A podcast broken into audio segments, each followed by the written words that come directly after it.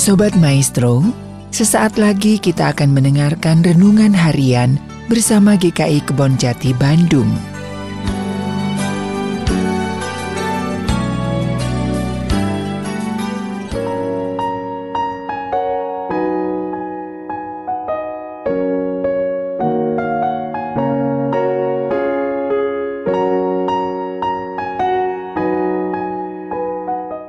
Saudara sekalian, jumpa kembali dalam renungan harian GKI Kebonjati. Saudara sekalian, di dalam renungan hari ini kita akan membahas saksi iman yang bernama Musa. Dan di dalam surat Ibrani pasal 11 ayat 27 dikatakan bahwa karena iman, maka Musa meninggalkan Mesir tanpa rasa takut. Karena iman, Musa meninggalkan Mesir dengan tidak takut kepada Firaun Kalimat yang sangat pendek ini menyatakan kebesaran tindakan Musa di hadapan Tuhan dan bangsanya sehingga nama Musa dicatatkan sebagai salah satu saksi iman. So sekian di dalam sejarah hidupnya, jika kita perhatikan Musa sebenarnya meninggalkan Mesir dua kali dalam situasi yang berbeda.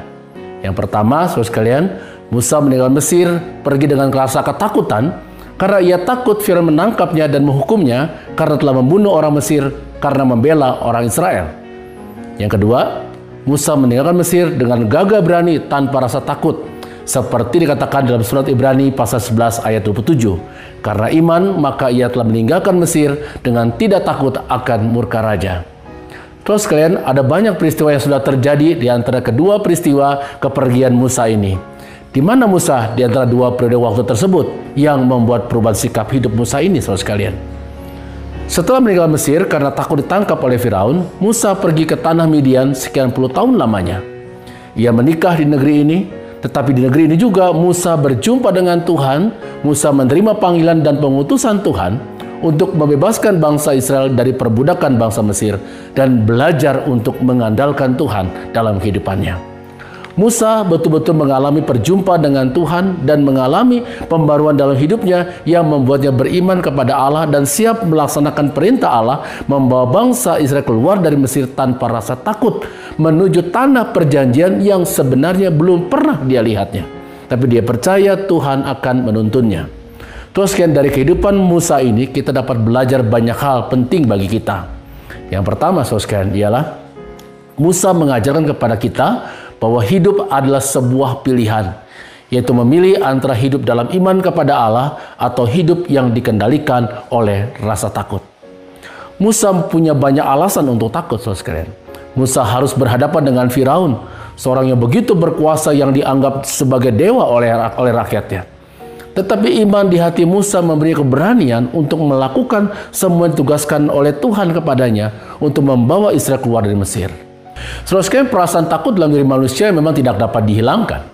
Ini adalah perasaan yang wajar terjadi dirasakan oleh banyak orang, termasuk kita, saya dan saudara, ketika menghadapi situasi yang baru atau ketidakpastian akan hari esok. Perasaan ini tidak perlu disangkal oleh kita.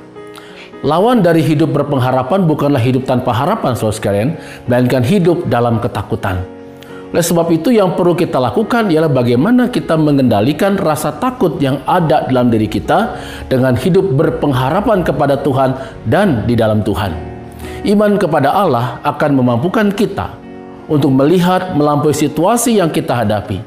Iman kepada Allah memampukan kita bertahan menghadapi segala persoalan dengan hidup yang berpengharapan. Di dalam iman kita akan sanggup mengalahkan segala kesulitan dan rasa takut kita karena iman membuat kita kuat dan berani. Semakin kita dekat dengan Tuhan, semakin kita dipenuhi dengan iman, semakin kita dimampukan menghadapi hari esok.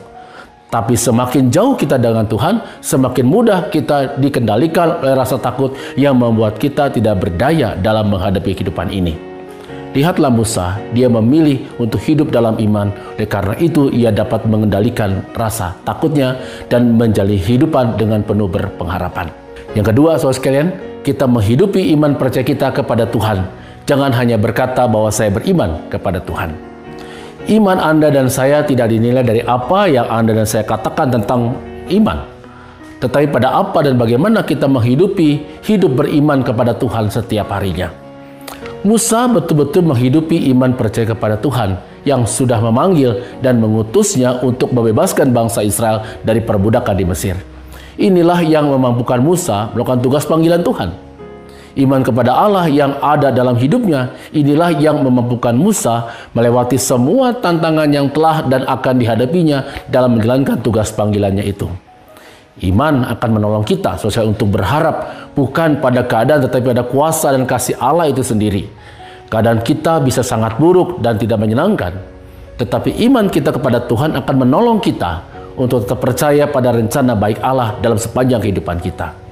Itu pula yang diyakini oleh Musa dalam perjalanan kehidupannya. Hubungannya dengan Allah memampukan Musa bertahan pada masa-masa sulit kehidupannya. Beriman itu tidak selalu harus tahu apa yang akan terjadi di hari esok. Tetapi yang paling pasti kita ketahui ialah bahwa Tuhan selalu ada dalam perjalanan kehidupan kita. Tuhan menolong dan memampukan kita menjalani dan melewati pergumulan kehidupan kita dengan teguh dan melewatinya dengan baik bersama dengan Tuhan. Inilah yang dialami, dirasakan, dan dilakukan oleh Musa ketika dia akan membawa orang Israel keluar dari tanah Mesir.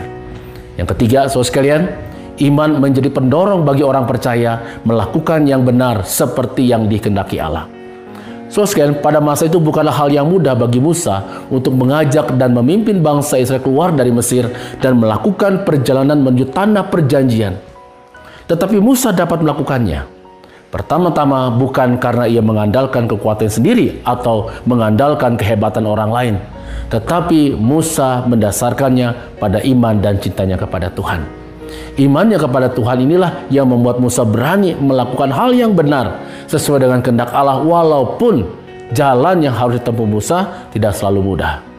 Iman yang ada dalam diri kita akan selalu mendorong dan memampukan kita untuk melakukan yang benar sesuai dengan kehendak Allah sehingga hidup kita akan menjadi berkat atau selalu berkat Tuhan bagi kehidupan bersama.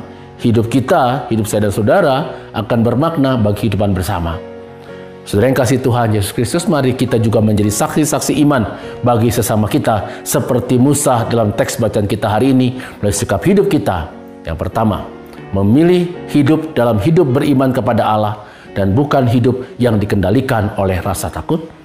Yang kedua, menghidupi iman percaya kita sehingga mempunyai hidup yang berpengharapan. Dan yang ketiga, saudara sekalian, menjadikan iman percaya kita sebagai sumber kekuatan untuk melakukan hal yang benar di mata Tuhan dan sesama kita. Tuhan memberkati saudara. Amin.